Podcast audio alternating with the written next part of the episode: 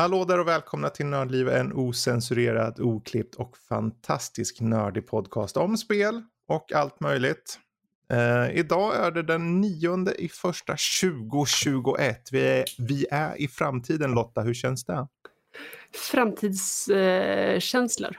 Uh, mm. Vad tycker du Jesper? Känns det som framtiden? Ja, alltså det känns väldigt skumt att säga 2021.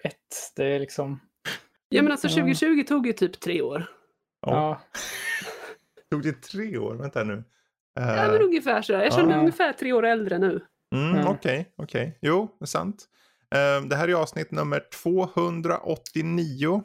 Och uh, uppenbarligen märkte ni att det var Lotta, Jesper och jag är Fredrik. Och idag kommer vi snacka lite allt möjligt. Det kommer vara spelpredictions för 2021. Lite over the top uh, förutsägelser då som som vi ska dra till med och sen om ett år så kommer vi följa upp på dem och se om det faktiskt någon av de här stämmer.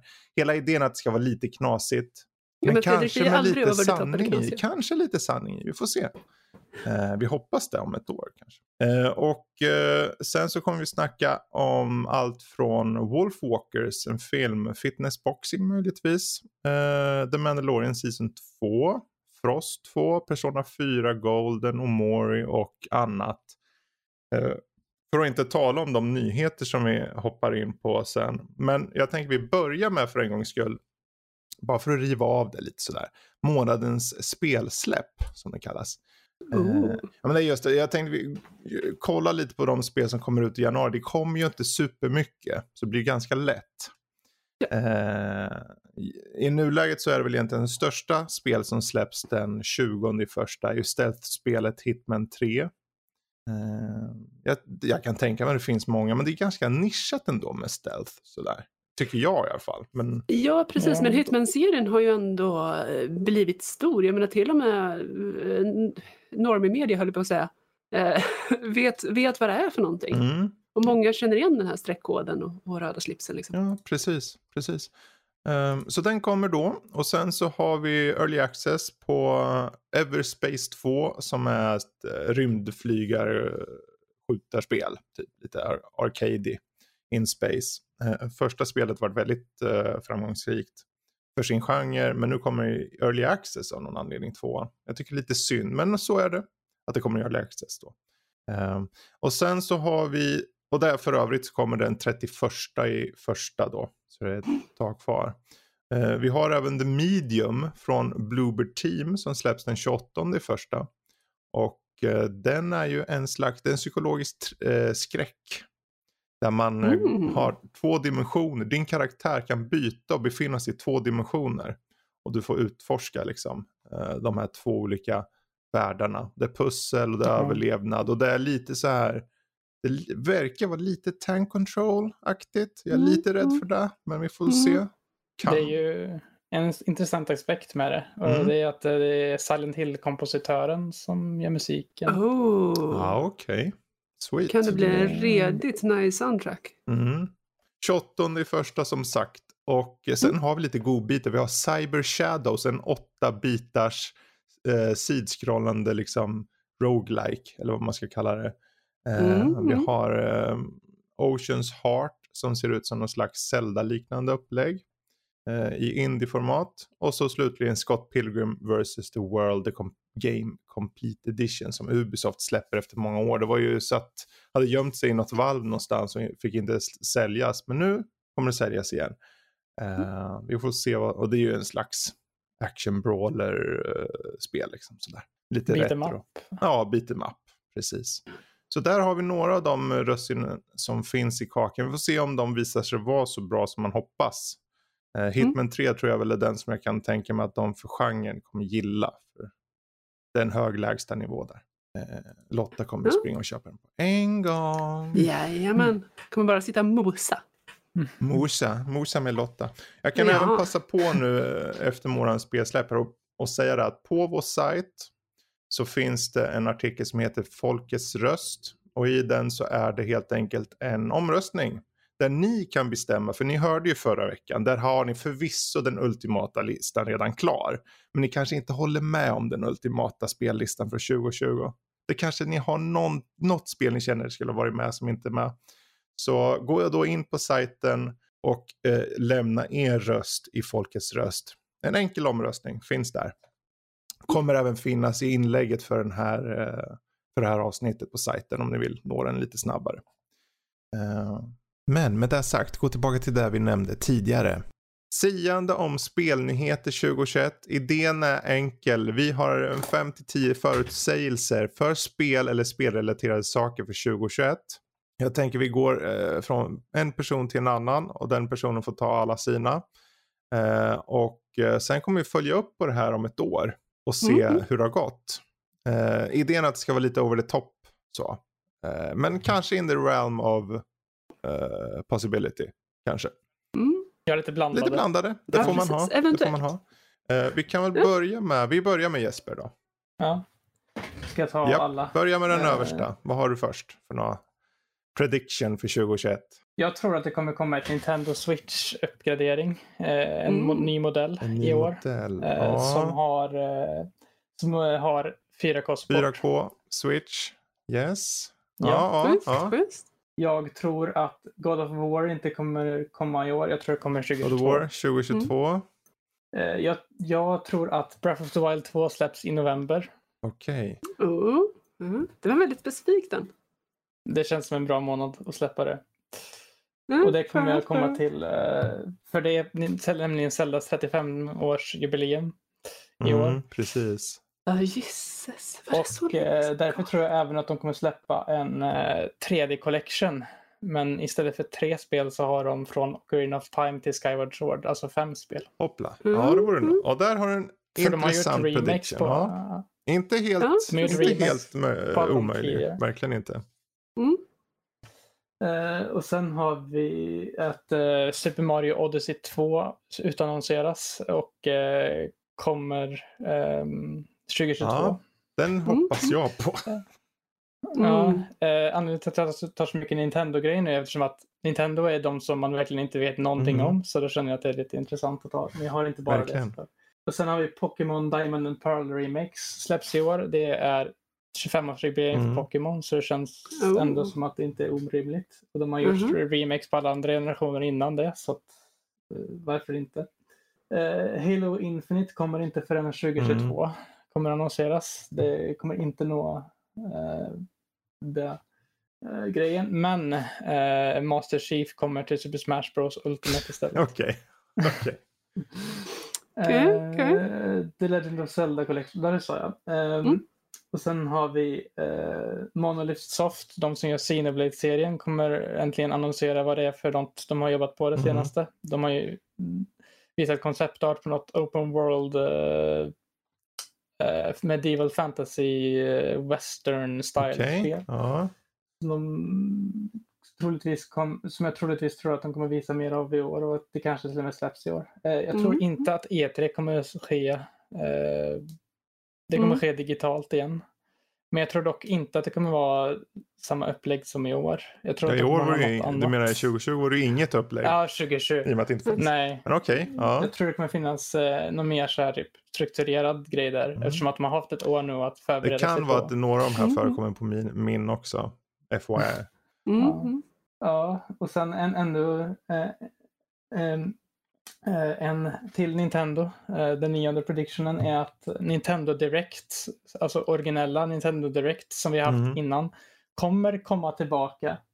Eh, och den första kommer komma som en 35-års direkt i februari som kommer visa de här Zelda-grejerna. Ah, okay. mm. Precis som de, hade med, som de hade med Mario mm. och sen så kommer de gå vidare eller att de kommer ha det här redan i januari och visa saker som kommer senare. För nu vet vi bara ett spel och det är Bowsers Mario 3D World Bowsers Fury som kommer till eh, Switch i februari. Just det. Just det. Det är det enda vi vet från dem och det skulle vara rätt så smart av dem att visa någonting i januari men jag tror att de kanske kommer spara ja, någonting till Zelda. De brukar ju vänta så här sista minut känns det som ibland så why not? Mm. Ja, eh, och sen en riktig mm. wildcard. Microsoft köper upp Ubisoft. Okej, okay, ja men det är bra. Okay. Så där, det är de jag vill se. För om vi ska vara helt ärliga, om ett mm. år där när vi ska följa upp på det här. De lätta grejerna, de kan ju nästan vem som helst. Ja, det kommer komma det här och det här. Men den där är ju faktiskt kul. Uh, om mm. det skulle ske skulle det vara en jävla prediction kan jag säga. Ja, ja, ja. Anledningen till att jag säger det är att jag tycker att Ubisoft har en ganska stabil grund nu, precis som typ Bethesda Mm. och sånt har haft tidigare. Och med sina egna services och sånt. Och om Microsoft köper upp dem och alla de spelen, de släpper ju ändå väldigt mycket Ja. spel, eh, hamnar på Mm. Game Pass. Det skulle vara rätt Ja, så det, det är milt sagt en Mhm. riktig wildcard. Den, den, den var kul, den tyckte Mm. jag om faktiskt. Eh, ja, Mm. bra. Det var tio stycken. Ehm, Jajamän. då tar, tar jag... Okej. Mm. Ja. Min nummer ett. City Skylines Mm. utannonseras och kommer enbart till PC och nya generationer av spelmaskiner. Okej. ja. Vänta, är inte det redan City kommit? Skylines 2. Aha, två. Eh, nummer två. Microsoft eh, och Zenimax utannonserar och släpper ett spel under 2021. Okej. Okej. Vilka är Ja, Zenimax Be-? Bethesda. Så- Ah, okej. Mm, just det. Nummer tre. Lootboxes förbjuds i USA och böter ges till EA. Ooh. Den var Ja. spicy. Ja. Prediction nummer ett. ja. Ja, vad prediction I like it. Eh, men sen om den sker, Mm. vi får se. Prediction nummer fyra. Bloodborne kommer till PC. Mm. Mm. Mm. Prediction Mm. nummer fem. EA kommer vara helt online. Och kommer få det bästa året genom tiderna. Det kommer vara Ah, oerhört stort. okej, För okej. alla är så jävla sugna på det. Och det kommer slå rekord i uh, tittarantal och allt det där. Mm. Vi får se om det stämmer. Eh, prediction nummer sex. E3, E du sa Ja, ja. E3 menar jag. Precis. Ah, jag sitter Jag- och jag var- jag var så inne på att menar det var E3 du i- pratade om. E3, Mm, E3, ja. E3, E3. E3. Ah, för jag blev väldigt förvirrad där. Ja, Mm. kommer vara online enbart. Eh, nummer sex, Halo Infinite, precis som du sa, eh, visas upp under sommaren, får återigen ett ramaskri på grund av att det ser ut eller inte funkar som de ska och skjuts upp till 2022. Eh, prediction nummer Mm. sju, uppföljaren till Half-Life 2 och utannonseras och internet goes bananas. Mhm. Prediction nummer åtta, under sommarmånaderna utannonseras Silent Hills och ett nytt Metal Gear-spel blir exklusiva för PS5. Mm. Mm. Prediction nummer nio. Stefan Löfven kommer att spela datorspel för att knyta an med den inom situationstecken unga publiken inför valet 2022. Ja! Åh, åh, snälla låt det hända. Måste ha med, som, måste ha med lite wildcards. Mm. Och sen slutligen Ja. nummer 10. Rockstar utannonserar ett nytt Max Payne. Mm. Mm. Ja, där har vi lite Spännande, olika. Vissa spännande. är mer eh, troliga än andra. Eh, men det är så det ska vara. Eh, och så hoppar vi Jajamän. s- till vår lilla Lottis. Vad har du för några predictions? Ja, ja, alltså jag vaknade ju en halvtimme innan vi skulle sätta igång och Mm. spela in. Eller rättare sagt, jag vaknade när vi skulle sätta, in, eh, sätta igång och spela in. Så att eh, våra, våra kära herrar här eh, gick med på att ge Ja. mig lite tid att vakna. Ta det du har. Så. jag, har, Mm, jag har fem stycken gott. predictions. Ja, och nummer ett är inne på, på samma idé som dig Fredrik. Jag har skrivit upp Valve lär sig räkna till tre.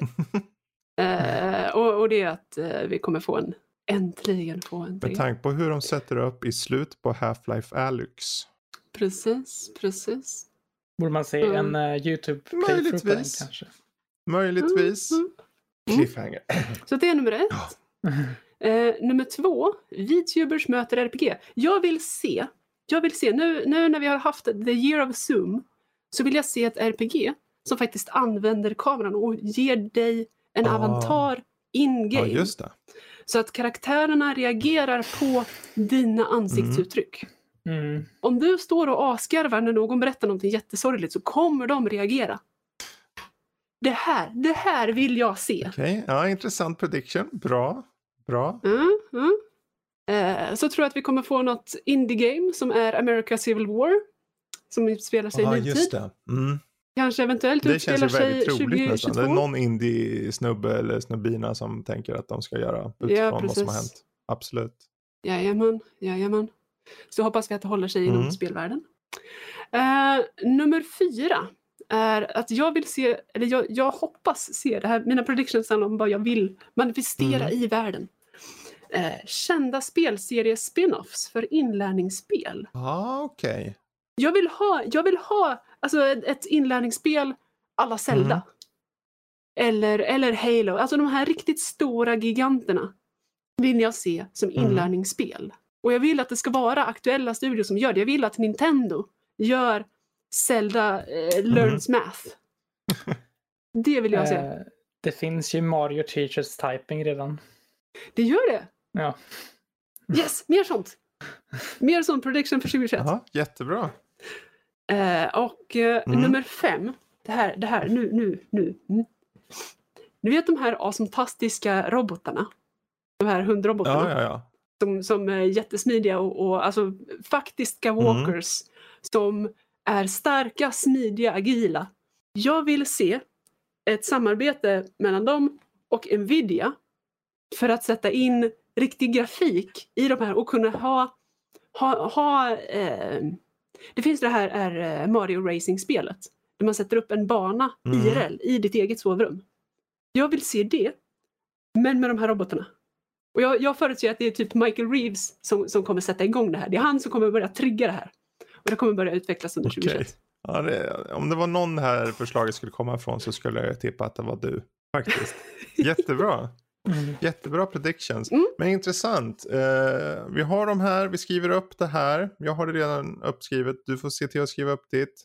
Så kommer vi följa upp på det här i uh, första avsnittet januari 2022. Eller i alla fall någon gång i början på januari beroende på hur det ser ut för oss.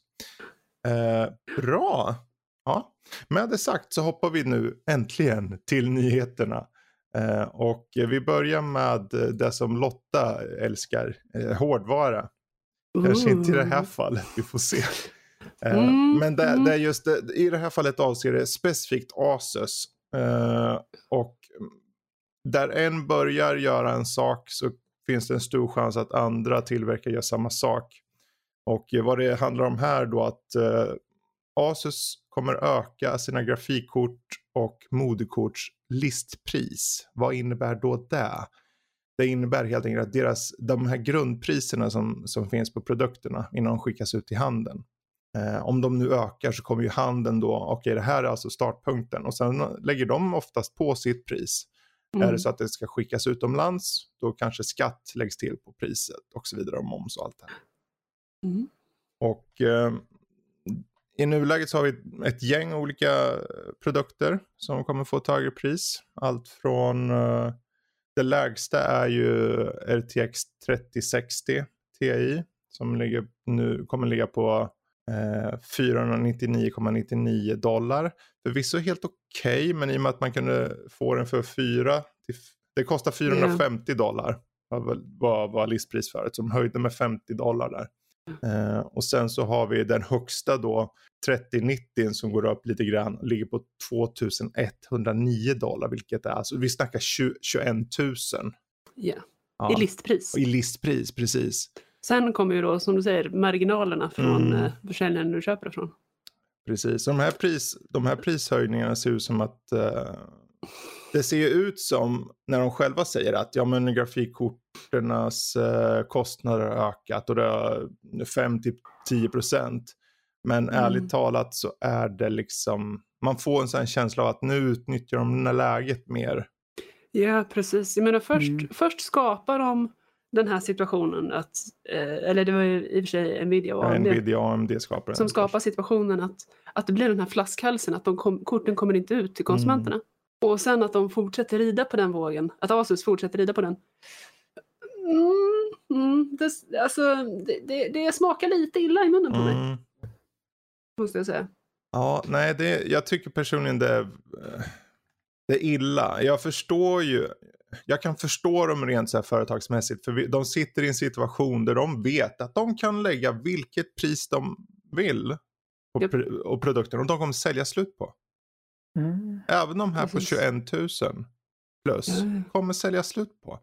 Och som liksom affärsverksamhet, om du vet att du säljer slut på sakerna, det är klart att... Det är klart att höja priset. Ja. Mm. Men som konsument så tycker man ju liksom att det här är ju, det här är ju bara sjukt alltså. Ja. Uh, och någonstans Precis. är det ju som du sa, det är Nvidia som ligger här. I det här fallet Nvidias mm. uh, grafikkort. Um, och det kommer med all säkerhet liksom vara över hela line-upen av alla grafikkort hos ROG Strix. Um, mm. Jag har ju priserna framför mig, jag tänker inte dra varenda produkt de har. Mm. Men äh, ja. Mm. Ja. Ja, och jag menar visst, jag ska inte komma och, och vara för taskig mot dem. Jag vet inte om det är någonting som har hänt som, som vi som konsumenter inte känner till. Men eh, jag trodde att 2020 var året som gjorde alla i hela världen lite snällare mot varandra. Mm. Mm, jag tror det är lite så här en balansvåg där när det gäller mm. det. Yeah. Alltså, det, alltså, försäljare är ju ändå försäljare och de anpassar sig eftersom det som är mest gynnsamt för dem och det som mm. funkar för dem. Liksom. Och det, är, det är tragiskt att det är så, men det är typ så, det är så samhället funkar med, med ekonomi och allt det där. Så att... Det är så samhället funkar för att man kan utnyttja det på det sättet. Mm. Tråkigt såklart. Men, eh, Ska ja. vi gå vidare här innan, ja, innan eh, somliga blir för upprörda? Ja, det, det vi avslutningsvis bara säger här är att förhoppningsvis eh, är det bara Asus som kommer ha det här. De själva har ju mm. kommit ut och sagt att det finns en reflektion i priset utifrån deras operating cost, logist logistical activities, bla bla bla och tariffer för import och allt vad det är. Uh, och att det förmodligen rör sig om uh, modeller till priser som är för Q1. Mm. Så förhoppningsvis är det bara för dem och det är bara för dem under Q1. Så uh, oavsett så har alla, alla liksom tillverkares produkter ute på marknaden har ju höjts i priser. Eh, vi har en i Nördliv som köpte ett grafikkort för 19 papp. Eh, och inte för att lägga en värdering i mm. att personen köpte det. Mer som att vi sitter i en situation där det liksom börjar bli mer så här, jaha okej. Okay. Som att normalisera det. Ja, eh, och jag tycker det är inte bra bara. Det ska inte kosta, men kunde köpa två datorer för. för... Bra datorer, ja. redigt bra datorer. Så nej, vi, vi, får hoppas att det är just nu och att mm. eh, tillverkningen kommer igång så att de här priserna på riktigt börjar slåss mot varandra. För det är då det kommer hända något. Sen ska vi se, vi hoppar vidare. Um, vi har en liten rolig, fast på sätt och vis gammal nyhet kanske då. Men det är ju utifrån den här boken, uh, det här från Microsoft som berättade angående just uh, vad de har gjort genom åren. Och då visade det sig bland annat att de vid ett tillfälle för 20 år sedan faktiskt tog sig till Nintendo och föreslog att de skulle köpa Nintendo. um... Ja, det var ju lite gulligt av dem. Och jag menar, okej okay, visst, man måste försöka se det här i, i sina 2020, eller 20 000 glasögon här. Mm. Eller 2000 glasögon och, och se hur hur det såg ut då. Eh, du nämnde det här förut Fredrik, jag menar i princip alla datorer i hela världen hade sitt Windows 95 eh, eller till och med hade bytt upp sig till XP eller, eller Millennium. Ehm, och, och, Nintendo, det var ju ett lite gulligt företag sådär, men, men vid sidan av Microsoft så var de ju ganska små. Men å andra sidan, Nintendo tittade på, på och kände på pulsen i Japan och tyckte mm, nej. nej. Nej, vi tänker inte göra det här. Nej. Nintendo har ju den grejen. Jag tror inte de kommer kunna köpas upp av någon någonsin, typ, känner jag. Nej. Det känns som att de, de är sin egen grej och det är det de vill. Ja, det, ja det de måste ju, alltså för att det ska ske så måste det gå dåligt för dem om ens jag tänker ja. på. Uh, men det kan ju säga i den artikeln, det är från Bloomberg, det är ju en, uh, en öppen liksom uh, dialog med ett par key nyckelpersoner då hos Microsoft de själva ju tycker det är lustigt idag att se tillbaka på. Ty det är där lite som, för de, de, de mm. försökte köpa EA också, står det. Eh, bland annat. Och sen Nintendo. Eh, och då att eh, de gick till Nintendo för att se om de kunde, om de ville, om det var, hur, vad de tyckte. Och de mm. skrattade bara om i ansiktet mer eller mindre. Så tänkte då en timma med någon som bara skrattar i ansiktet. Det var just den typen av möte som det blev där, berättade Ett gäng business-japaner. Precis. Som sitter där i, i sina eh, jättetjusiga kostymer och, och jätteallvarligt och sen bara ja. börjar asgarva. Ja. Mm. Men det är lite jag kul. Jag tycker det var kul att de ändå gav, för om, de gav ju själva ut den här infon liksom i den här. Yeah. Så, men det visar ju någonsin, de de har självdistans där lite grann och så. Precis, alltid uppskattat. Idag skulle det vara bety- om, det, om, om det fanns någon form av chans då så finns det en mycket mindre chans idag kan jag säga. så, så framgångsrikt som det har gått för Nintendo de senaste åren. Liksom. För Nintendo idag skulle jag säga, de är väldigt villiga att samarbeta med vissa saker när det kommer mm. till Microsoft. Eh, till exempel eh, Minecraft, crossplay-grejer och sådana saker. Och, yeah. Och typ Banjo Kazooie som är en Minecraft, nu för tiden Microsoft IP fick ju vara med i Super Smash Bros till mm. exempel. Och mm. mycket sådana saker. Så um, det kommer nog inte hända att de köper upp Nintendo, tror jag inte. Nej, ändå. nej. Nej. Det här är ju som sagt det är bara en kul liten trivia sådär. Men um, apropå kul trivia, jag kan avsluta med en nyhet här. Och det är då att moddar är i farten igen. Och eh, de har lyckats åstadkomma raytracing. Vilket är inte konstigt i sig i dagens mått mätt. Men på en SNES är ju udda. Eh, alltså det är ju förvisso på en sån här modifierad spelkassett. Men, ehm, men i alla fall. Alltså, liksom. alltså hur? Jag är, jag är så het på att få, få titta på den koden. Seriously? Det, det, det, borde gå att se för det på en YouTube-kanal. De heter uh, Shironeko Labs. Och de har skapat en demo då, en demovärld då. Som består av raytracing-skuggor och reflektioner i realtid på en Super Nintendo. Uh, det är högst så här, rudimentärt liksom. Uh, men det, det funkar ändå. Um, och sen sitter utvecklare och säger att de, de, är sinkade av hårdvaran. Att hårdvaran tillåter inte vissa grejer. Precis. nu är det ju förvisso, de har också ett chip som de satt in i spelkassetten. Ungefär som Super FX-chippet som Nintendo mm. använder då. För att skapa 3D-grafik i Starwing.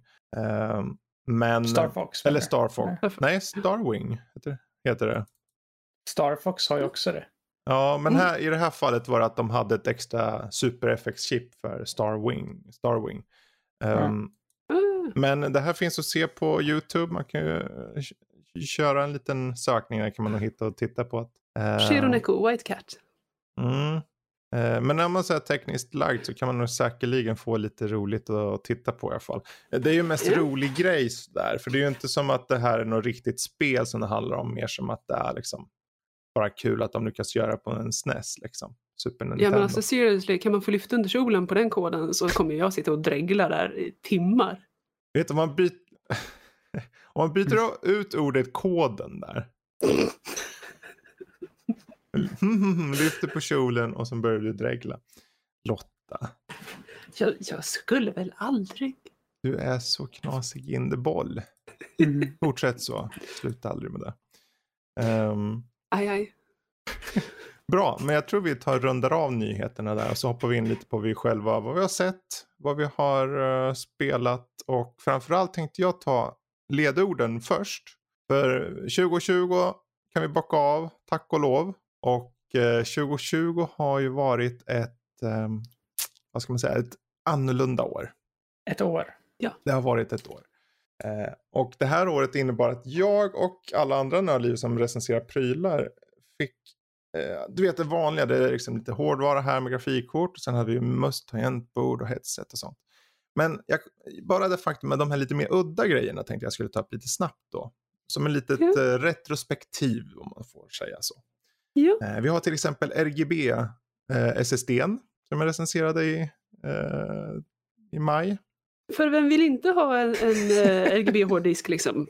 det, är, det är liksom, HyperX hade en, den heter Fury och då är det liksom på, på toppen av den så är det så här två stora så här eh, strips med, med ljus och du kan liksom ändra de här RGB-inställningarna liksom i datorn. Liksom. Eh, på, på en SSD, det är alltså typ så tjock och, och... Ja, precis. Och ligger inne i yeah. datorn liksom. Djupt ja. inne ofta. Ja, alltså, ja. RGB, det, det gömmer sig i allt känns det som. RGB. Och ah. uppenbarligen så tänkte väl HyperX med sin Fury då, men vi slänger på lite. Var det egentligen var det enda unika aspekten, men i övrigt var det en SSD bara. Den gick upp ja, till en alltså, terabyte. Men den hade eh, liksom RGB och du kunde styra med den här Asus Aura Sync eller GB, alla de här RGB-programmen som finns. Eh, så bara, om nu ska du lysa grönt här. Men det gick. För att inte tala om den här eh, mikrofonen som, som du sitter med ner på äh, nerbotten där. Äh, jag recenserade ja, tidigare Yeti X, en jättebra mick. Ja, verkligen. Men sen när vi för, fick förfrågan att recensera Yeti X World of Warcraft Edition tänkte jag men det måste ju vara något, vad är, vad är det speciellt med den då? Mm. Ja, det var inte så mycket speciellt mer än att den hade liksom World of Warcraft-tecken på sig. Den hade, den har ju en programvara, den här Logitech-programvaran och i den så redan med vanliga Yeti X så får du så här olika ljud. Du kan låta som en, låta mörkare, låta mer som en tjej eller whatever. Men nu kan man ju låta som en, en Orish. Mm. Eller Lich King. Eller Lich King. Eller Jaina. Eller Jaina. Men i, i ärlighetens Spoiler namn. Alert. Ja, spoiler alert. Ja. Ingen trodde på att jag faktiskt var Lich King när jag Nej. slog på den. Alltså det är ju bara var- olika pitch-grejer liksom. Det är bara att Ja. ja. det låter typ som en Goblin eller något. Mm, typ. De, om man fantiserar. Alltså det var ju liksom, så när jag satt med den där och skulle skriva den tänkte jag men det här är ju exakt samma sak. Alltså det är ju samma produkt som sist. Det är bara att den har Ja. ett par liksom olika ljud eh, inställningar. extra presets. Ja, ett par presets och sen lite en Och- annat och- utseende. Loggan. Ja, loggan, WoW-utstyrseln. Den var ju snygg var den ju. Men Ja, definitivt. ja, det var lite udda sådär. Eh, Vad som också är udda för 2020 och dess recensioner är ju den mängd av olika powerbanks vi har recenserat. Mm. Jag vet, uh, Figa fick ju recensera, det var en powerbank som var på 20 000 milliampere. Du kunde typ driva typ två Mm. telefoner och en kiosk eller någonting på den där. Men Mm. framförallt så kunde man se, det var en sån här liten eh, display på, på den så du såg procent och sånt. Den var helt okej, men det var liksom man cool, tänkte, men cool. varför sitter vi med det här? Men jag personligen tycker att det var ganska kul. Eh, Ja. I alla fall tills jag själv satt och skulle recensera en trådlös powerbank. Du känner att det, glädjen eh, laddades ur där? Ni vet ju hur en powerbank ser ut. En liten klump, man pluggar in den med en USB i din telefon eller whatever och laddas upp. Jättebra. Den här var en powerbank med en bunt sugproppar på sig. Som du tryckte fast på din telefon och så var det QI på den vilket innebär att det är trådlös laddning.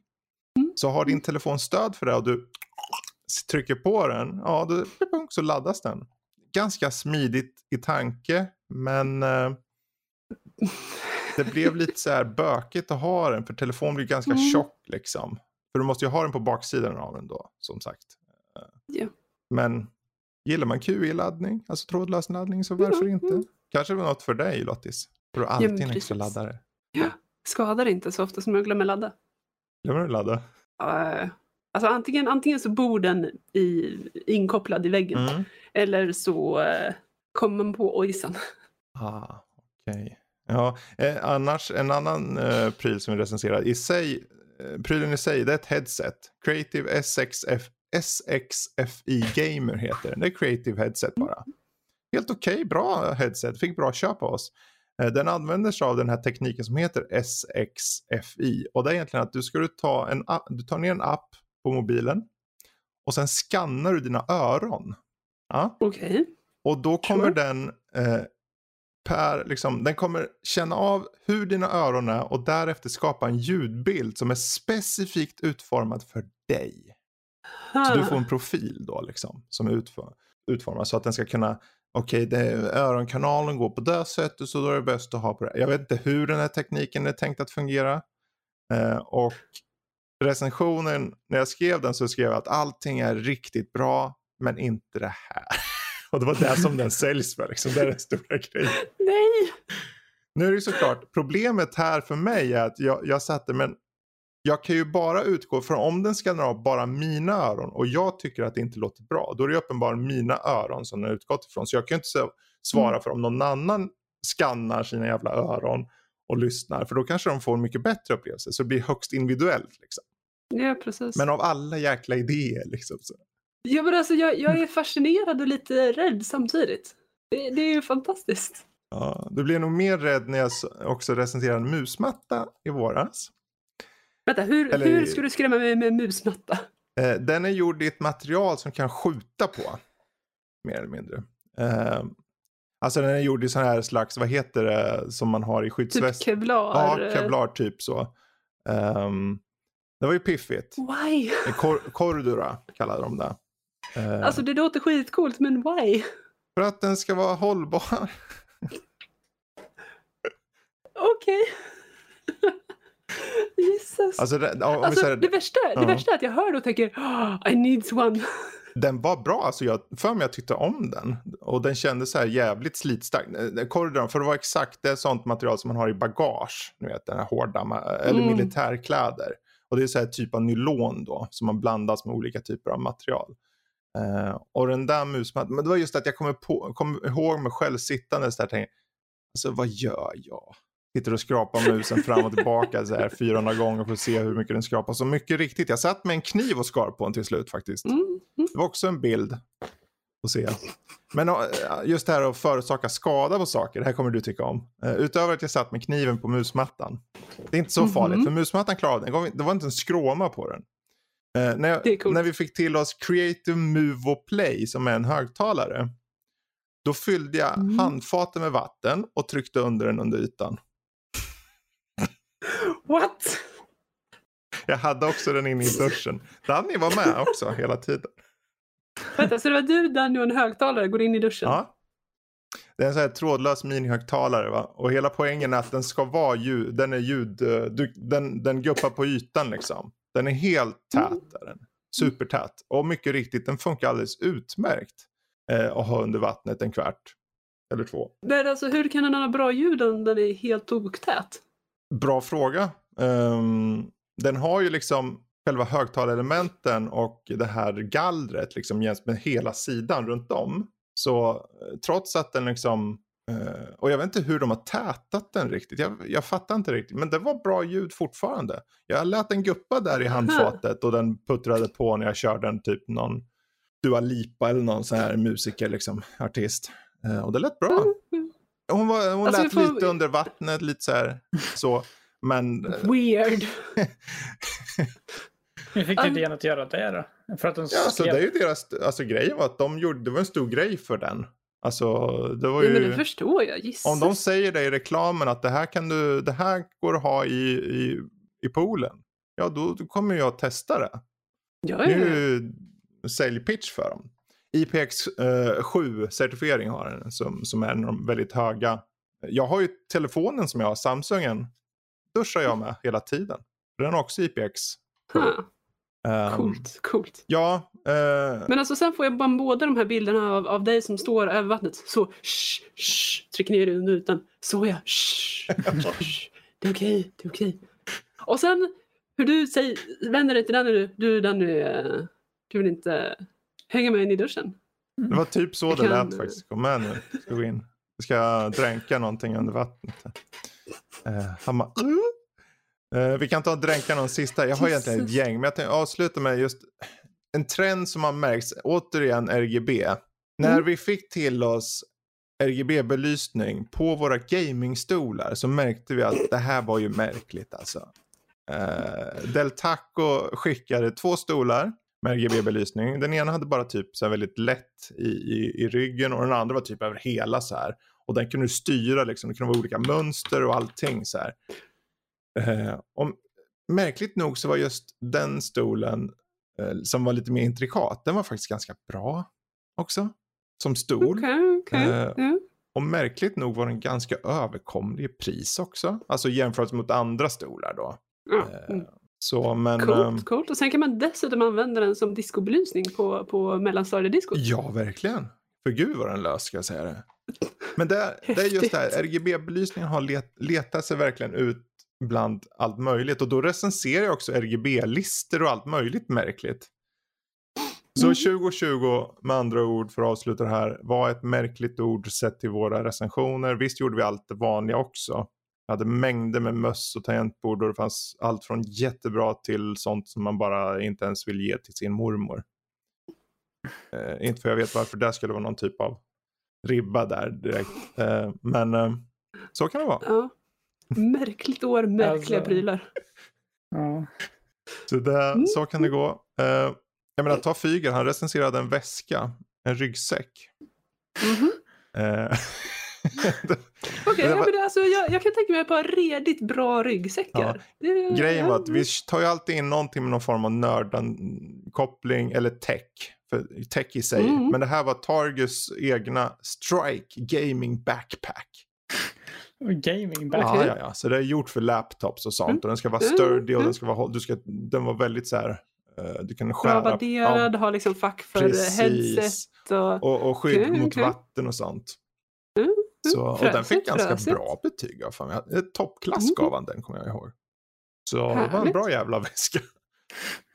Så. Ja men alltså det, det, det, finns, det finns några redigt bra ryggsäckar ute. Jag har en, en som jag är fasligt förtjust i. Mm. Som är lite, den är inte vattentät. Nej, okay. Men annars låter den ganska lik den här eh, gaming backpacken. Ja. Ja, du får nog mm. kolla in det. Targus Gaming Strike. Mm. Var det inte oh, Danny yeah. som recenserade ett bord också? Jag hade egentligen med den men jag vill inte ta upp den. Men ja, han recenserade ett bord. ett gamingbord bör tilläggas. Med andra ord ett bord som har två hål i sig som man kan dra kablar igenom. Men... Okej. Okay. Var... Alltså är det ett bra bord så är det ett bra bord. Så det var ett bord. Han gav det bra köp. Men eh, det är just att den liksom, du kan ju få upp kablar och det fanns kabelhål och ja. allt det här liksom. Och den är lite så här, den är bra höjd och allt vad det är. PVC-behandlat så du behöver inte ha en musmatta du kan köra direkt på och det skrapas inte. Och headset håller och allt vad det är. Eh, men mm, mm, i slutändan, ett bord. Så hur recenserar man det? Ja, fråga Danny, han vet. Eh, ja, det är roligt att vi, kom, vi har fler bord på G. Emil ska recensera ett bord också. Okej. Okay. Eh, blir... Lite okay. pre, pre, uh, pre, alltså förhands info. Ja, ja förhandsinfo. ja, precis. Liten teaser. Precis. Teaser. Mm. Alla bara, åh, Då, det här måste vi ju läsa. Om du är i marknaden för att köpa ett nytt gamingbord kolla in våra recensioner på Det var bara en tidsfråga när det blir ett gamingbord med RGB-belysning. Ja, ja, ja. Jag tror jag har sett det. det är ett av de som kommer. ja, precis. Oh. Vad som inte däremot har RGB-belysning det är The Mandalorian. Är du säker på det? Ja, det är faktiskt ganska säkert. Du har ju sett andra säsongen nu. Jag vet att vi pratade om det mm. för ett tag sedan. Det var väl innan uh, julavsnitten och allting. Men det är intressant ja, på det stora hela. Vad känner du om hela säsongen liksom? Alltså, det finns, det finns något citat från Mark Hamill som snurrar runt där ute. Att eh, man ibland får en gåva som man inte trodde att man, eh, som man inte visste att man ville ha. Mm. Alltså, eh, det här, Mandalorian ger mig arvet efter Star Wars som jag behövde. Som jag ville ha, som jag, oh. som jag hoppades på. Skönt. Så att eh, definitivt, om man mot förmodan är ännu segare än mig på att se sådana här saker och eh, överhuvudtaget kanske eventuellt är lite småförtjust i eh, de, de, de gamla Star Wars-filmerna. Mm. Då är det Mandalorian du ska se. Ja, det är just det här upplägget. Ni som inte vet mot förmodan som lyssnar på Nördliv då. De flesta är väl lite nördiga så. Men eh, det är ju lite av, man skulle kunna säga en, det känns som en lite spaghetti western in space på något sätt tycker jag. Eh, ja. Han är ju en lone gunman som råkar då få ta hand om en liten unge. Och hela målet för andra säsongen är att du ska hitta någon att lämna det här barnet till. Det är hela säsongen egentligen. Och sen så är det liksom mer mm. eh, fristående avsnitt i sig, men det finns en röd tråd i dem. Uh, alltså jag sträcksåg ju det här under en natt. Ja, ja jösses. Det var verkligen bara att sätta igång det på kvällen och sen tycker jag, ja men visst fine, jag, jag lägger mig sen. Ja. Sen helt plötsligt var det slut. Men det är ju ett gott tecken i sig ändå. På kvaliteten. Ja. Men, men jag måste säga att du, du slog verkligen huvudet på spiken där. Om, om 4, 5 6 är baserade på en opera mm. så är Mandalorian baserade på en western. Ja. Väldigt mycket. Ja, men, det men det går fortfarande, det matchar fortfarande väldigt bra. Mm. Absolut. Att... Det jag tycker mest om att de tar sin tid med karaktär på något sätt. Där liksom de, kan, Verkligen. de kan tisa om en karaktär i första avsnitt så kommer den i x antal avsnitt senare och får lite kött och så får man ännu mer kött. Ja precis, för att de är köttiga. De, mm. de är, det är riktiga personer. Mm. Det, det, är faktiska individer. Det är inte bara här står vakt 351. Eh, utan det, det är faktiskt Göran som står där. Och, och Göran är polare med Gustav som står på andra sidan korridoren men, men de är i ett triangeldrama med, med eh, Peter som står eh, och pratar med chefen just nu. Ja, jo. alltså jag vill det, se den ja. Star Wars-serien som har Göran, Gustav och, och Peter. Triangeldramat. Eh, Aha, okay. i, där har vi den riktiga mm. rymdoperan. Ja, ja vi har ju pratat om... Nej men, ja. nej, men allvarligt talat, och känslan och, och att det också kommer tillbaka mm. några riktigt gamla fantastiska karaktärer. Eh, så ja, definitivt. Se den! Har du inte sett den tidigare så se den. Disney Plus. Är inte så fasligt dyrt heller mm. liksom. Så kika in den. Precis. Uh, ja, jag kan ju, kan ju egentligen säga att det kommer komma en spoilercast på den här inom kort. Där vi kommer gå igenom hela säsong två. Så håll uh, ögonen öppna efter det. Um, men Persona 4 Golden då? Ja. Vad, uh, berätta, vad, vad har vi här för något roligt? Ja, det är ju eh, ett spel i eh, Persona-serien som egentligen är från eh, Playstation 2 från början tror jag och sen så portades det till Playstation Vita och sen i förra året till Steam. Sen har det legat där i mitt Steam-bibliotek sen, jag vet inte hur länge nu, sen så plockade jag upp det nu i Eh, mellan dagarna typ. Och det är ju, det är ju lite som de andra serien i, eller spelen i Persona-serien. Du eh, spelar som tonårsstudenter på en skola som tacklar som eh, på typ på nätterna så är de och eh, monsterjagar och typ fixar samhället eh, med sina magiska personas och sen på dagen så är de vanliga tonårsstudenter som går runt och gör dagliga aktiviteter. Mm. Liksom. Och det som är grejen med Persona 4 Golden det är typ att det är lite som ett deckarmysterium. Okay. Eh, man är en eh, tonårspojke som flyttar in till eh, småstaden Inaba i eh, Japan. En väldigt liten stad, han kommer från storstan. Eh, och så träffar han på ett eh, gäng studenter som går på skolan eh, som han blir vän med. Och, de, och på nyheterna hör man om hur folk bara mystiskt dör. En, vad heter det, fastnar i en lyktstolpe typ och hänger upp och ner.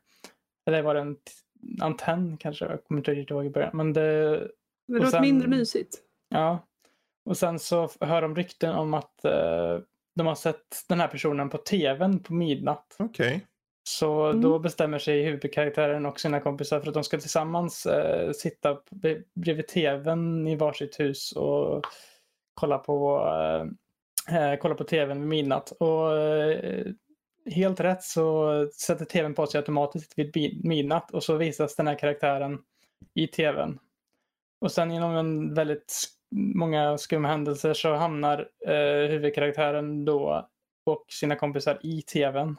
Eh, och träffar en teddybjörn som lär dem om personas och eh, shadows som bor där. Och det är typ eh, människor som har Eh, jag vet inte riktigt än, för jag har inte kommit, det är så sjukt långt spel, jag har inte kommit mer än, eh, jag har inte ens kommit hälften säkert. 300 men, timmar? Nej.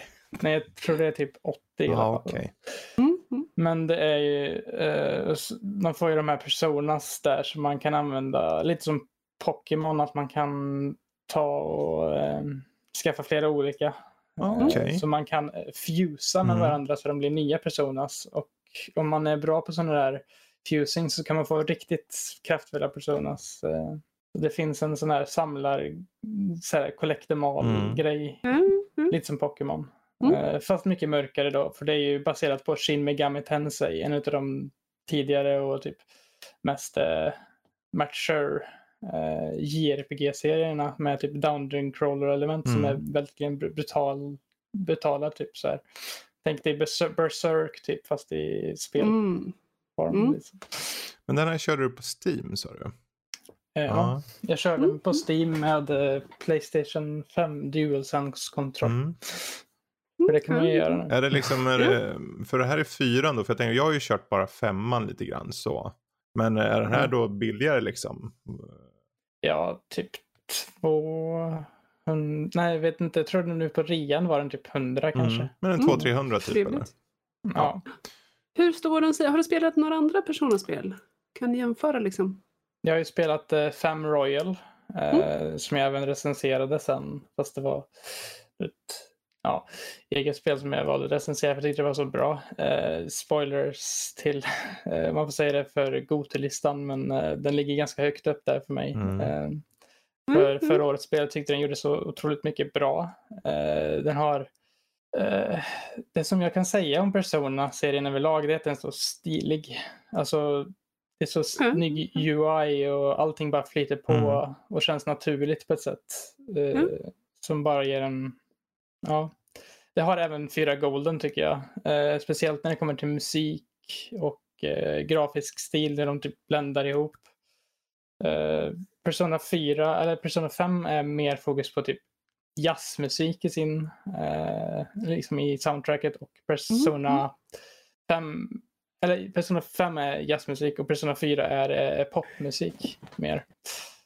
Eh, och eh, jag kan även eh, uppmuntra till att det, alla de här soundtracksen för alla Persona-spel finns nu på Spotify. Okay. Från och med typ den här veckan. Eller något. Mm, schysst. Okej, okay, men... Så man är ny, nyfiken på att höra bara musiken. Så, ja. Ett tips där helt enkelt. Persona 4 Golden på Steam. Eller vart ni än hittar det. Um, vi kan väl hoppa tillbaka till Lottis. Jag är nyfiken på Frost 2. Du har du sett den för uh, första gången nu? Ja, precis. Ja. Såg, den, såg den i natt. Ja. Om man mot förmodan inte känner till plotten i, uh, eller premissen då för Frost 2. Mm. Uh. Frost 2, Frost 1 handlar ju om de här systrarna Elsa och Anna. Mm. där, spoiler, på en ganska gammal Disneyfilm. Ja. Um, så i slutet av den så blir Elsa då erkänd som drottning över det här kungariket Arendel. Precis. Uh, för att deras båda föräldrar uh, dog för ganska många år sedan mm. när Frost 1 utspelas. Frost 2 så börjar Elsa med att höra röster. Hon hör en, en melodi sjungas och hon minns också en, en gammal sång som deras mamma brukade sjunga för dem när de skulle so somna, de båda systrarna. Och eh, lockad av äventyr som hon är eh, och det okända och utforska så försöker hon följa den här rösten och råkar väcka de fyra, fyra andarna. Som eh, eld, vatten, vind och jord. Eh, och eh, som också då är starkt kopplad till en magisk skog. Mm. Som de båda systrarna blivit varnade för hela sina liv. Och eh, faran med den här magiska skogen, när den vaknar så är det risk att Örendel utplånas. Så eh, de fantastiska systrarna tillsammans med Kristoff, Sven och Olof. Kristoff, eh, Annas eh, pojkvän. Eh, Sven, en, en fantastisk ren och Olof, den underbara lilla snögubben. Mm ger sig iväg eh, för att försöka lösa gåtan med den här magiska skogen och, och försöka rädda Örndel. Mm. Och det är en berättelse om, om familj, om att hitta sanningen mm. Och att, att våga rädda varandra, att våga göra det som är rätt. Mm. Att ta nästa, nästa rätta steg. Eh, handlar om, mycket om styrka, att tro på sig själv och att tro på varandra, att hjälpa varandra. Eh, oavsett om det är någon man känner eller mm. inte. Så det, är en, det är en fruktansvärt vacker Disneyfilm. Eh, det var vissa partier så satt jag där och, och försökte att inte gråta. Eh, Max satt bredvid och, och spelade spel. Han... han är känslokall. Jag vet nu, han, han känner nog där inne, långt där inne finns det en liten mittpunkt av gråt. En, en liten uh, Disney, en liten Disney-mus. En liten Disneyprinsessa tror jag du skulle säga. Ja. Nej men eh, en bra ja. rulle helt enkelt alltså. Uh... Ja definitivt. Och jag menar sångerna som vanligt, helt mm. underbara. Mm. Och med lite glimten i ögat också. Mm. Jo, så, jag har ju sett den. Jesper, så hade du också sett Frost 2? Mm. mm. Vad, vad, tycker du då om den? Jag tycker att den är bättre än Frost 1 för mig mm. personligen. Jag tycker att mm. den storyn i den är mer intressant och mindre klyschig på något sätt än ettan. Mm. Jag tycker att ettan känns mer som en lite mer typisk Disney-prinsessfilm mm. stuket. Men det här är mer typ så äventyr och eh, leta efter det okända, hitta det själv. Hitta, mm. ja, jag tycker det är en mm. väldigt intressant eh, och bra premiss, eller kul premiss mm. som de har gått för där. Ja, ja, det är en bra rulle. Vi såg den då på bio. Jag personligen kanske känner att första är bättre på det stora hela. Mest för att det handlar ju mycket om musiken. Jag tror musiken i den första mm. är betydligt mer självklar. Så jag har väl ingen som är mm. en låt som jag, som jag känner står ut, som jag ens kommer ihåg idag om jag ska vara helt ärlig, från tvåan. Men med det sagt, alltså det är som all film från Pixar eller Disney eller whatever, liksom, det, det är alltid en hög, väldigt hög lägstanivå. Så jag tror att Precis. vem som helst kommer se på den här och tycka om. Det finns partier för alla, verkligen. Ja, mm. och som i ditt fall, eller för, för, er då, uppenbarligen så finns det någonting i filmen på det stora hela som, som får en att bara älska det liksom. Eh, mm. Eh, och med rätta. Det är välgjort. Det är bra. Definitivt, definitivt. Ja men kul. Frost 2, definitivt värd att checka mm. in. Uh, passande i dessa tider om inte annat med mycket kyla och yeah. kallhet där ute. Uh. But you know the cold never bothered me anyway. Precis. Let it go. Um, no, hur som haver, jag tänkte jag ska, apropå, jag kanske ska röra på mig lite här då genom att ta upp uh, en film för mig själv också. Då. Ja. Uh, och jag var lite så här, ja, jag är sugen på något animerat. Jag vill hitta någon film som, som har potential att vara bra. Och jag hittade en film som heter Wolfwalkers, en animerad film som kom i slutet på 2020. Som är mm -hmm. 2020 års bästa animerade film alla kategorier. Nästan kanske en av de Oj. bästa filmerna. Um, och Vad handlar den om? Vad det, det här handlar om en, uh, det handlar om en ung flicka Eh, de bor på Irland. Det är en irländsk eh, animerad film om jag fattar det rätt. Mm. Eh, och har lite folksageinslag där som vi kommer till. Men en ung flicka och hennes far reser till Irland. Och eh, han, faren då, han, hans jobb är att eh, ta och döda de vargar som gömmer sig i den skog som hela den här stan bor bredvid. För de har problem med de här vargarna. Eh, men när då de tar, pappan tar sig till skogen eh, så följer hon efter. Och det visar sig att de här vargarna de, de är ledda av en liten tjej som är en wolfwalker. Vilket innebär mm. att den lilla tjejen blir varg om natten och är flicka om dagen. Och eh, då är frågan, men vad, hur gör vi då? För pappan ska ju döda alla de här vargarna. För om inte han gör det så kommer den stora liksom, borgmästaren något verkligen göra livet surt för dem. Alltså på riktigt Mm. Eh, och den lilla flickan, hon har ju en mamma som är försvunnen. Som också är en Wolfwalker. Vart är hon? Eh, och sen så leder det ena till det andra. Man kan väl säga att den här, det är jättevacker musik i den. Det är irländsk fin mm. musik. Eh, och animationerna och utseendet är väldigt unikt. Men extremt välanimerat. Så att det är en sån där film som bara, man börjar att titta på den sen vill man bara se klart den. Trots att den är ändå mm. 1.40 någonting. Um, men det var just mm. framförallt tror jag just hur, hur man uh, sympatiserar med karaktärerna. Mm.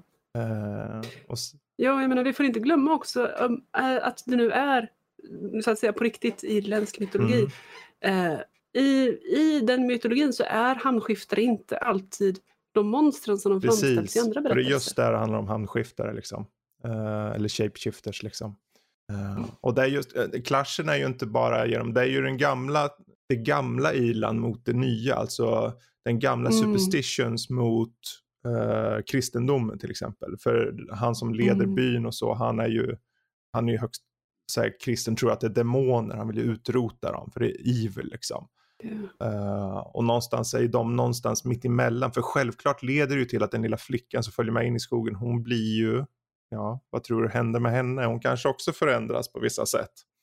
Uh, och då, hon mm. sitter där någonstans i mitten och det är liksom, det är inte bara en fråga om fabeln och allting eller berättelsen i sig, utan det, ju, det blir på många sätt någonting om samtiden i sig också. Var, var hur mycket pushas mm. kristendomen in på på vad som kanske redan fanns trosätt eller något sånt liksom.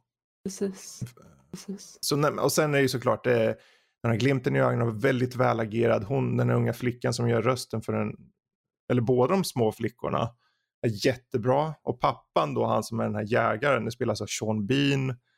Eh, ja, det, det, nice. det är väldigt välgjort, väldigt, jag skulle inte säga sentimentalt, men det finns, det finns en sentiment, sentimentalitet i musiken som bara får en att vilja, alltså jag blir bara rörd av att tänka på hur välgjord den är och fin den är. På så många sätt. Mm. Och det är en klar rekommendation. Är det så ni har möjlighet, eh, den finns, jag tror den finns på Amazon bland annat och liknande. Eh, mm. Wolfwalkers. Wolfwalkers. Eh, ett ord. Kika, yeah. kika in den. Det låter jättespännande. Ja, det verkligen. Bästa filmen nästan 2020 känner jag. Mm. Uh, nice. Ja. Ja, uh, sen har vi ju, om vi hoppar tillbaka till Jesper. Du har ju skrivit upp uh, Soul också. När vi ändå är inne mm. på lite film tänkte jag, tecknad film. Ja. vad, vad, kan du berätta lite om den då? Det handlar om den där, vad hette han nu igen? Jag har typ glömt av namnet på han. Uh... Ja, det är ju en snubbe i alla fall. Uh, ja. Han är ju... En pianist. Uh, pianist som uh, hamnar mellan livet och döden kan man mm. säga. han hamnar i något typ mellanting där man där han försöker typ komma tillbaka till verkligheten men han inte riktigt lyckas utan han Eh, träffar en person där som han blir typ mentor till för han typ lurar sig till att bli hans mentor för att typ komma tillbaka till verkligheten. Ja, om vi säger så här, premissen är ju, om jag, om jag får avbryta det där, men ja. eh, Joe som det handlar om. Eh, ja, han är ju som du sa pianist, men han är, inte, han, han är på en skola, han undervisar barn, han har väl drömt hela sitt liv om att få den där breaken som alla drömmer om. Liksom. Och precis då en dag så är det en kvinna som kommer. Ja, vi har det här bandet på stan. Vill du komma och göra en audition? Han gör en audition och han får komma med. Hans livslånga dröm liksom. Uh, men på vägen hem, han ramlar ner i gatubrunn och dör. Uh, ja. och hamnar i limbo. Uh, om man nu kallar det limbo. Det är en plats där, man, där mm. själar försätts till att skickas till jorden för att komma in i nya kroppar och nya människor. Eh, och han är på ett rullband tillbaka eh, som ska tas upp till, ja, efterlivet då. Men han springer och hamnar i det här stället där då alla de här små själarna skickas till jorden. Och han tänker, men här är min genväg.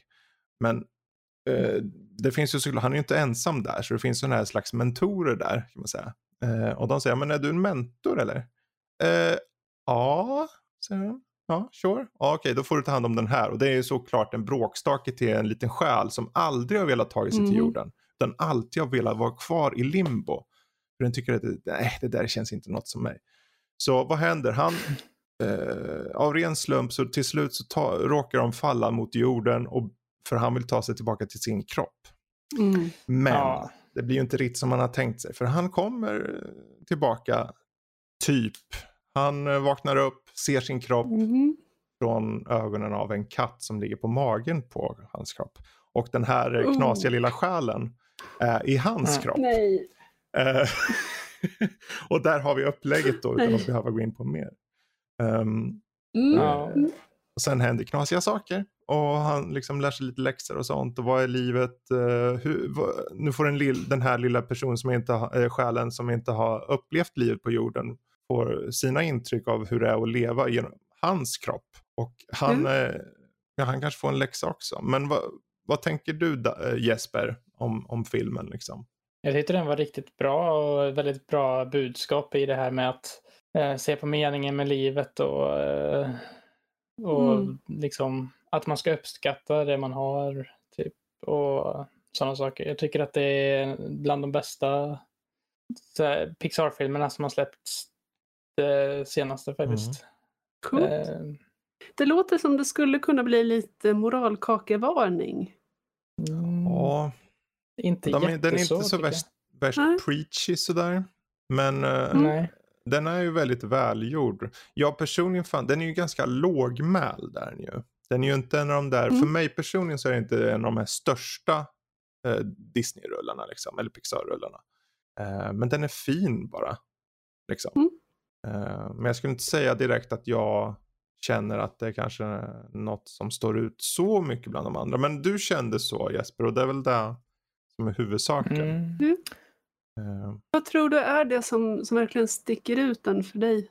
Jag vet inte, det är väl typ det här med, det här med budskapet egentligen. Mm. mm. Och som typ åker igenom, eller för mig hela, jag tycker att den är Samtidigt som den är väldigt seriös så är den väldigt skämtsam mm. så det väger upp sig väldigt bra där. Verkligen. Med uh, sådana saker. Så mm. ja, jag tycker att den, det är en wholesome rulle mm. om man ska mm. säga. Nice, nice. Och hur är musiken? Huvudkaraktären är ändå en pianist. Den var inte så jättemycket jag tänkte på egentligen. Nej. eh, musiken? Eller hur känner du? Det är inget så här, alltså han är ju jazzmusiker. Han hade ju ett stycke när han mm. spelade ja. första gången där med uh, den här uh, showtjejen eller vad det är för någonting. Mm. Jag tyckte det var ganska bra. Men det är ju jazzmusik och det är kanske inte riktigt min kopp av te. Men det här är ju, det här är ju mainstream, det här är ju popjazz liksom. För det är ju ändå en, ja, det är inte ja, att de går all in riktig jazz så. Utan det måste ju vara för en Disney-publik. Uh, så jag tyckte den var väl fin och så, men den, den stod väl inte ut så. Men jag tror inte det var riktigt syftet heller där. Nej. Uh, det är ju Nej. mycket mer fokus på själva... Lost opportunity. Ja, men det är ju poängen är, för, förvisso är det på rätt spår, för hela grejen är ju att hans break, det var ju där han har längtat hela mm. sitt liv. För han brinner för jazz. Han Precis. brinner verkligen för jazz.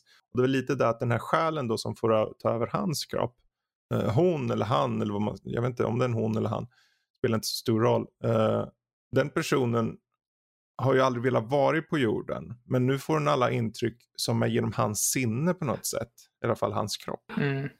Och han mm. är då i en katt.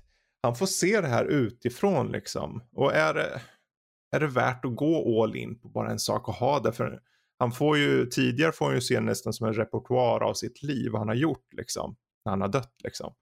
Och då är det liksom, han har mm. bara suttit, han har jobbat lite, han har inte han har inte gjort. Suttit framför tvn, tittat, umgåtts, haft någon tjej som kommit och gått eller något sånt. Men å andra sidan, det är just det här som jag tror också är poängen med filmen. Att när du, du kan titta på samma scener, alltså de här när han sitter och bara lever. Och tänka att ja, men du lever ju ändå. Mm. Du har ett liv, du kan gå ut och titta på, på himlen och när, se hur årstiderna mm. växlar. Och det är också fint. Det, finns inget, det är inget fel mm. i att mm. bara finnas och leva. Det tror jag är mycket av poängen med filmen. Mm. mm. Ja, men det är en fin ja, film. Spännande, ja, spännande. Verkligen. Och sen är det ja. värt att anmärka också att uh, när han är i, den här människan är i hans kropp så får den personen, ja, den rösten han har i det där uh, utrymme, vad heter det, uh, det här mellanting. I limbo. Limbo-ish. Ja, i limbo. Får han, uh, den personens röst kommer i hans kropp. Liksom. Ja, ja, men det är bara när han mm. hör den. Ja. För alla ja. andra hörs han ju med vanlig mm. röst så att säga.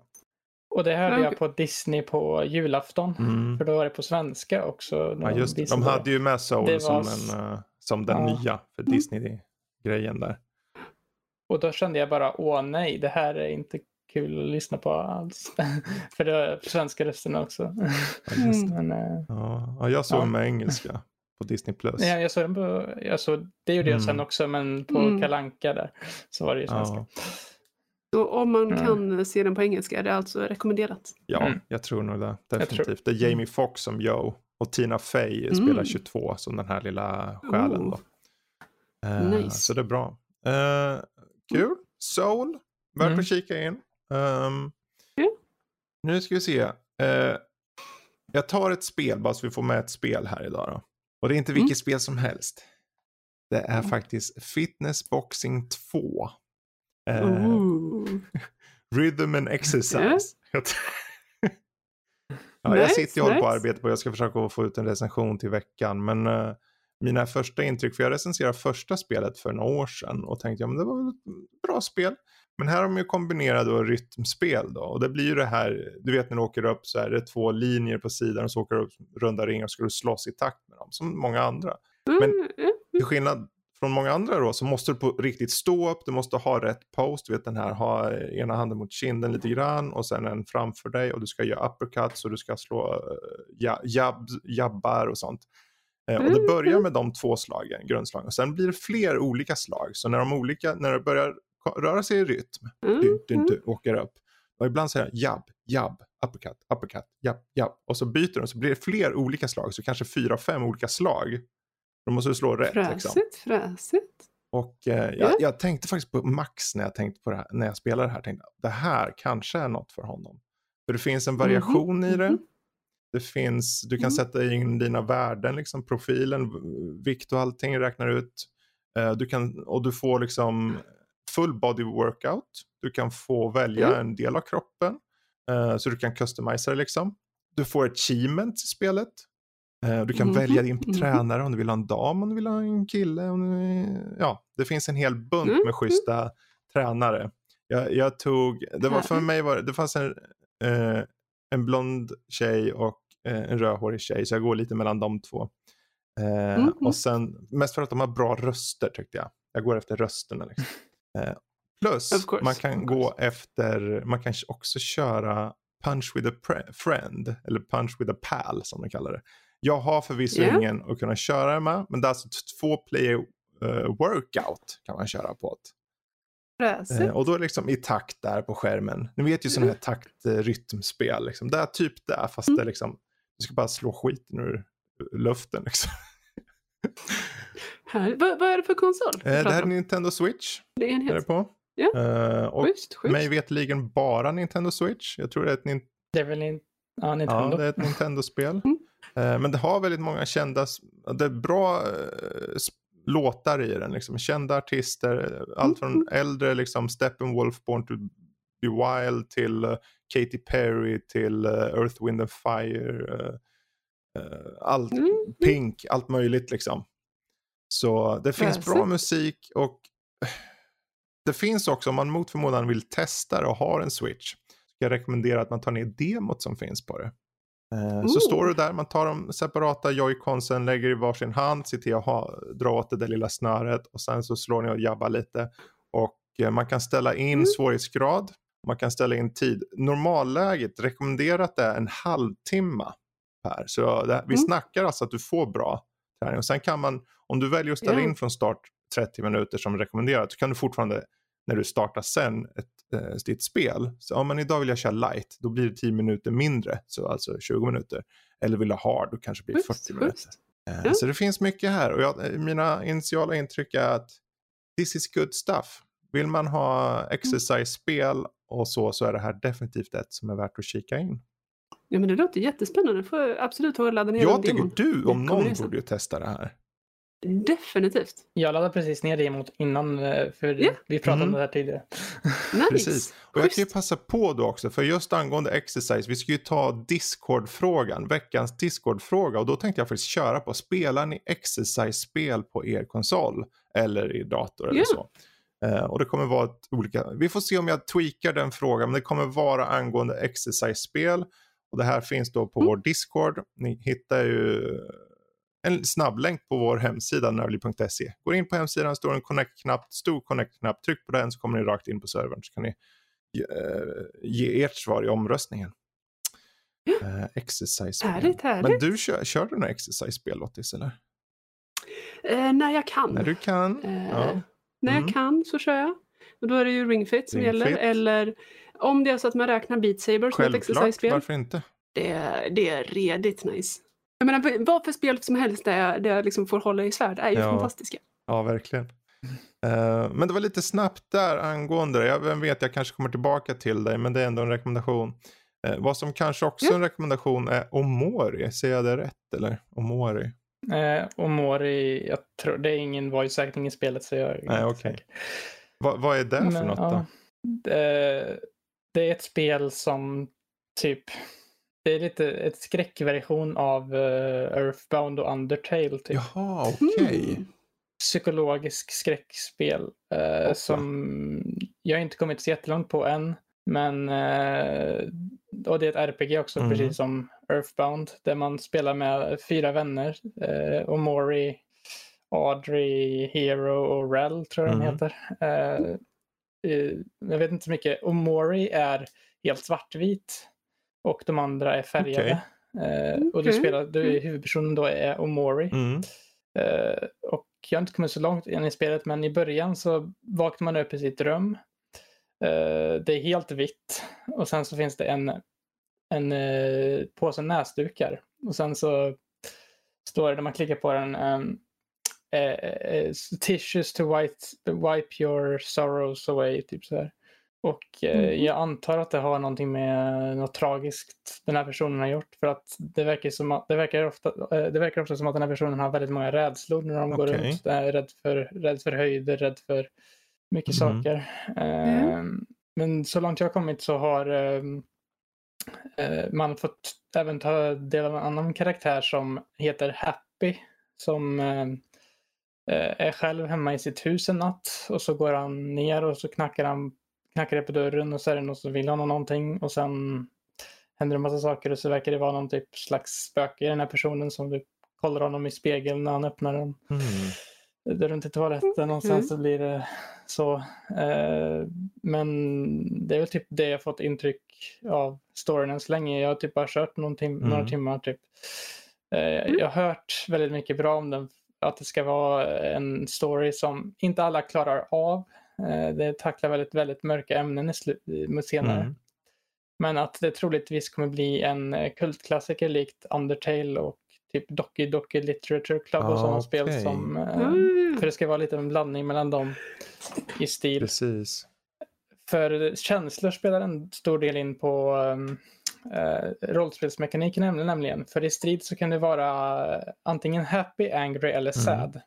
Mm. Och de här är olika bra mot olika saker. Så uh, happy är bra mot angry, angry är bra mot sad och sad är bra mot happy. Så det är en sån här cirkels... Mm. Uh, Lite sten, sax, påse nästan sådär. Mm. Ja. Och vissa attacker med vissa karaktärer gör mer skada om man är ledsen Precis. och sånt. Så det är väldigt mycket sånt. Det handlar väldigt mycket om känslor. Och uh, Den grafiska stilen är väldigt, väldigt minimalistisk, precis som i mm. Undertale. Så uh, Ja, om man gillar Undertale eh, och sådana spel som har mycket spännande indie-stories med RPG-element. Ja, för jag tycker när jag tittar på just själva gameplay så tycker jag men det ser lite så här, nästan Zelda, alltså med den här top-down uh, mm. grejen liksom. Så mm. på klassiskt maner liksom, när du går på en värld uh, runt och kikar mm. in i hus och mm. grejer. Ja, men vart fanns den här? Fanns den på, den fanns på Steam? Steam. Ja. Uh, finns det nu. Släpptes typ 25 december mm. tror jag. Mm. Något. Och sen så mm. ska det släppas 2021 på Switch också. Okay.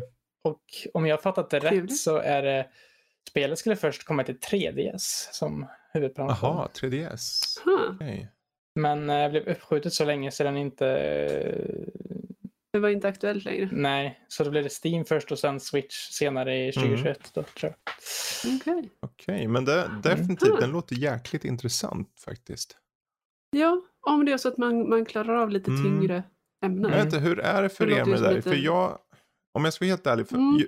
om jag ska bli påverkad eh, så har det lite med utseendet av spelet eh, sett till liksom, för, för här den här den här enkla Zelda-utseendet. Jag har kört ett gäng sådana här spel. Jag kör den här plattformen Neversong som är väldigt mörk. Men jag kunde inte riktigt få det mest för att det är en sån kontrast mot vad du mm. ser och vad som berättas. Så att jag måste få något lite mer påtagligt mm. verkligt kanske eller någonting. För att jag ska på riktigt kunna... Ja. Ja, för mig så, så det har ingen som helst betydelse utan det är karaktärerna. Mm. Eh, Doki Doki Literature Club den, eh, den var tuff men inte hemsk för mig. Eh, och det är för att man, man ser det komma. Mm. Man, är, man är beredd på det, man, man vet. Eh, och, och, så länge jag ser logiken i det så, så tror jag att det mildrar mm. för mig. Ja, för jag, jag blir, jag, jag har svårt att bli påtagligt liksom berörd. Så. Det, sen finns det ju såklart gånger som man egentligen kanske inte skulle bli det. Som när jag körde Ori vart jag ganska berörd. Men det är ju mest mm. för att hela upplägget är ju så pass animerat. Det känns ju som en tecknad film och som en tecknad film överlag. Men med det sagt, jag säger inte att jag inte skulle bli. För det här om Ori låter ju väldigt intressant faktiskt. Ja, uh, verkligen. Det, verkligen. definitivt bra tips där. Bra tips där mm. med en liten indie. Den har ju en väldigt eh, så här, handtecknad stil i mm. scener mm. och i, mm. eh, när man är i striderna och sånt. Det känns lite som att det är målat av ett ah, barn på något sätt det. som gör att, mm, som gör att eh, ändå tro, jag tror Alltså, det är så svårt med så early impressions, de har inte kommit någon vart i den här storyn så jättelångt, men att man bara för den stilen, att det känns som att det blir mer relaterbart på något mm. sätt, att det är det här barnets tecknade ja, stil. Typ. Ja, men det kan ju så, faktiskt ja. addera en hel del. Ja, det gör ja. definitivt. Um, bra, men jag tänker... Och Mori, Steam nu, Switch ja, senare. Sa Mm, jag vet inte om det var andra konsoler också, men det var i alla fall Steam enbart mm. nu. Mm. Ja, det vore intressant. Det här känns som ett spel som annars Microsoft skulle ha plockat upp för typ uh, Game Pass eller något. Tycker jag känns passande. Yeah. Mm. Kan ju Kanske. komma. Um, vi avslutar med lite anime. Neon Genesis Evangelion. Jesper. Oh, klassiker. Det, hur jag ska förklara den här. Det är en gammal 80-tals uh, animerad, eller anime som uh, vad heter, um, handlar om um, Shinji, en uh, tonårsstudent som hamnar mitt uppe i en konflikt mellan änglar som de kallas, som är varelser som invaderat jorden och eh, Evangelions som är mekrobotar som har typ DNA från de här änglarna på något sätt. Som eh, hans pappa har varit med och framställt bland annat. Eh, och eh, det börjar väldigt så här, simpelt, eh, bara eh, typisk mech-serie när man, när man åker runt i Mecka så attackerar de här änglarna eh, som de kallas för. De ser inte så jätteängellika ut om man säger så. Men ju längre in man kommer så märker man att det här är vrickat åt uh, jag vet inte var. Mm. Uh, för det blir psykologiskt.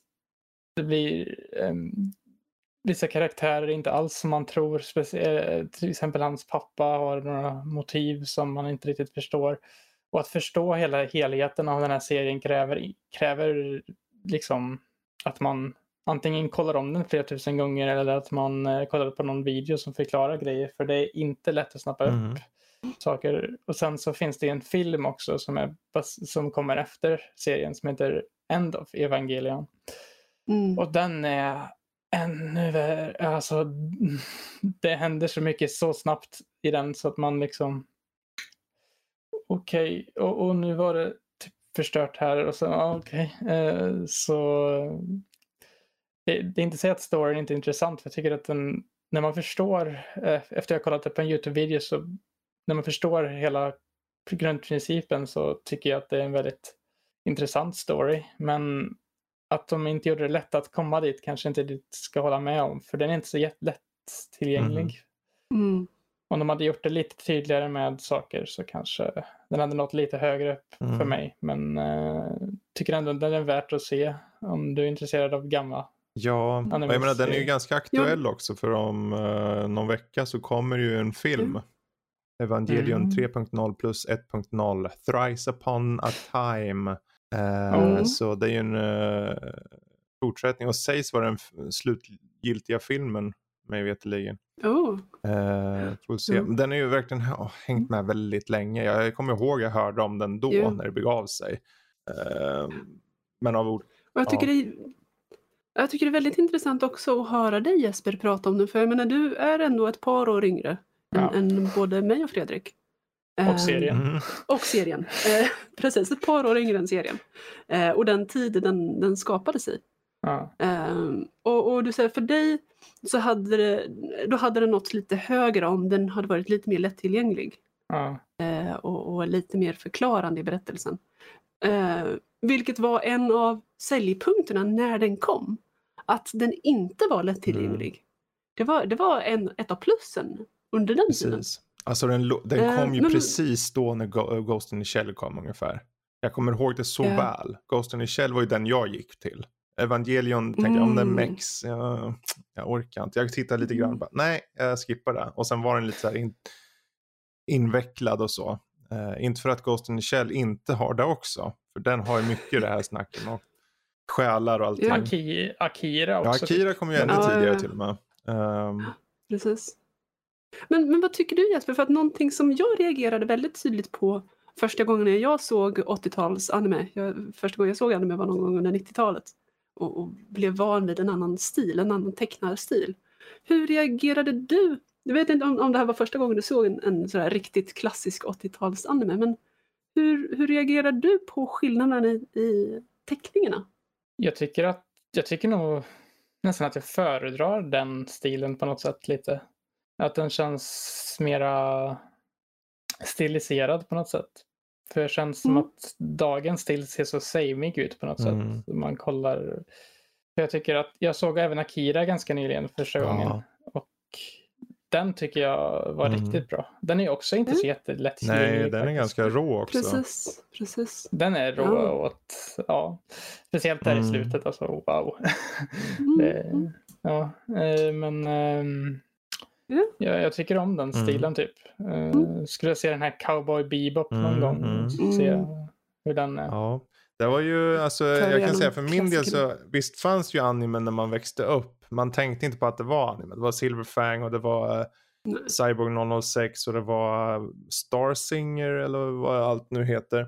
Men det var bara sånt som existerade. Det var sådana här kassett morsan köpte för att det var billigare än Disney. Uh, och ja, men sen då på 90-tal, eller 90-tal måste vara, nej förresten 2000, efter jag flyttade hemifrån så, så fick man ju bredband och ah, sånt. Och då helt plötsligt var det, ja, hade jag kompisar som kom med, ja men anime och så. Så då började jag titta och bland de första var ju Full Metal Alchemist och eh, mm. Cowboy Bebop och, och sånt. Och då bara wow. Mm -hmm. Wow. Mm -hmm. jag, jag, vet inte hur många, alltså, alltså jag brände ju så många anime-serier alltså. Alltså brände igenom som att jag såg igenom dem. Uh, -hmm. Så jag mhm. kommer ju knappt ihåg hälften alltså. Men uh, ja, det var schysst. Var det. Uh. Ja, för mig, jag, jag, hade också den här perioden, jag visste inte att det var anime, så jag mm. såg på. Då var det ju Sailor Moon och uh, Ray, Grottpojken. Ja, Grottpojken, ja. Det var, det var grejer. Men det första som jag faktiskt visste var anime och, och som jag, ja, oh, det är än idag. Mm. Det, det var Ronin Kenshin. Of course. Mm. oh, mm. Anyway, anyway, bli inte till det nu. Vi ska ta och försöka avsluta här nu. Men... För det kommer en live action-film på den? Ja, det gjorde det. Oh yes, en serie. Det ska och den är, den är bra. Den är Och så kommer en film bra. också har... nu va? En livefilm. Mm -hmm. Ja, det är det jag menar. Ja. Mm -hmm. ja. Uh, anyway. anyway. Eh, med det sagt så ska vi... En Evangelion, ja, bra skit. Neon Genesis mm. Evangelion. Checka in det, en klassisk serie. Eh, och jag tror där blir punkten i alla fall för, uh, för den ordinarie podden. Vi kanske snackar vidare om någonting efter podden för Patreons. Men uh, så bli Patreon om ni inte är där redan och uh, lyssna mm. där. Där får ni även video på det. Så vink vink. Men eh, är det så att ni vill ha mer av oss, ni vet vart ni gör, ni hoppar in på nördliv.se. Där kan ni även bli en del av vår Discord väldigt lätt. Tryck på den där stora connect-knappen, hoppa in och var med i omröstningen som är då angående, spelar ni exercise-spel på er konsol eller liknande? Mm. Kanske blir några alternativ på det, kanske blir bara ja och nej, återstår att se. Uh, och sen folkets röst, än en gång jag po uh, poängterar det. Vi har på sajten, mm. det kommer pågå veckan ut fram till nästa podd, då kommer vi dra resultatet. Eh, och då är det helt enkelt, vi hade Goti förra veckan. Där fick vi fram vår lista. Självklart är ju den fulländad på många sätt och vis. Men det finns eh, utrymme för förbättring kanske. Så frågan är vad ni känner. Så gå in på den här artikeln, den heter Folkets röst bara, inlägget. Och så trycker ni in det spel som ni känner eh, är ert årets spel. Så får vi se, kommer vi ta upp det eh, nästa vecka. Bra, mm. men då så. Då ska jag egentligen bara passa på att tacka lilla, lilla Lottis och lilla Jesper för er samverkan. Det var jättekul. Jo, men tack själv lilla Fredrik. Tackar. tackar. Det var mycket tack här på slutet, det tycker jag om. Um, ja, tack till ja, er som lyssnat. Tack till er och tack till Fredrik och tack till Jesper. Uh, och ja. uh, mm, mm. då så, då tackar vi för oss. Och uh, mm. så säger vi helt enkelt hej då allihopa. Ha det så bra tack så mycket för idag. Hej då. Hej då. Hej.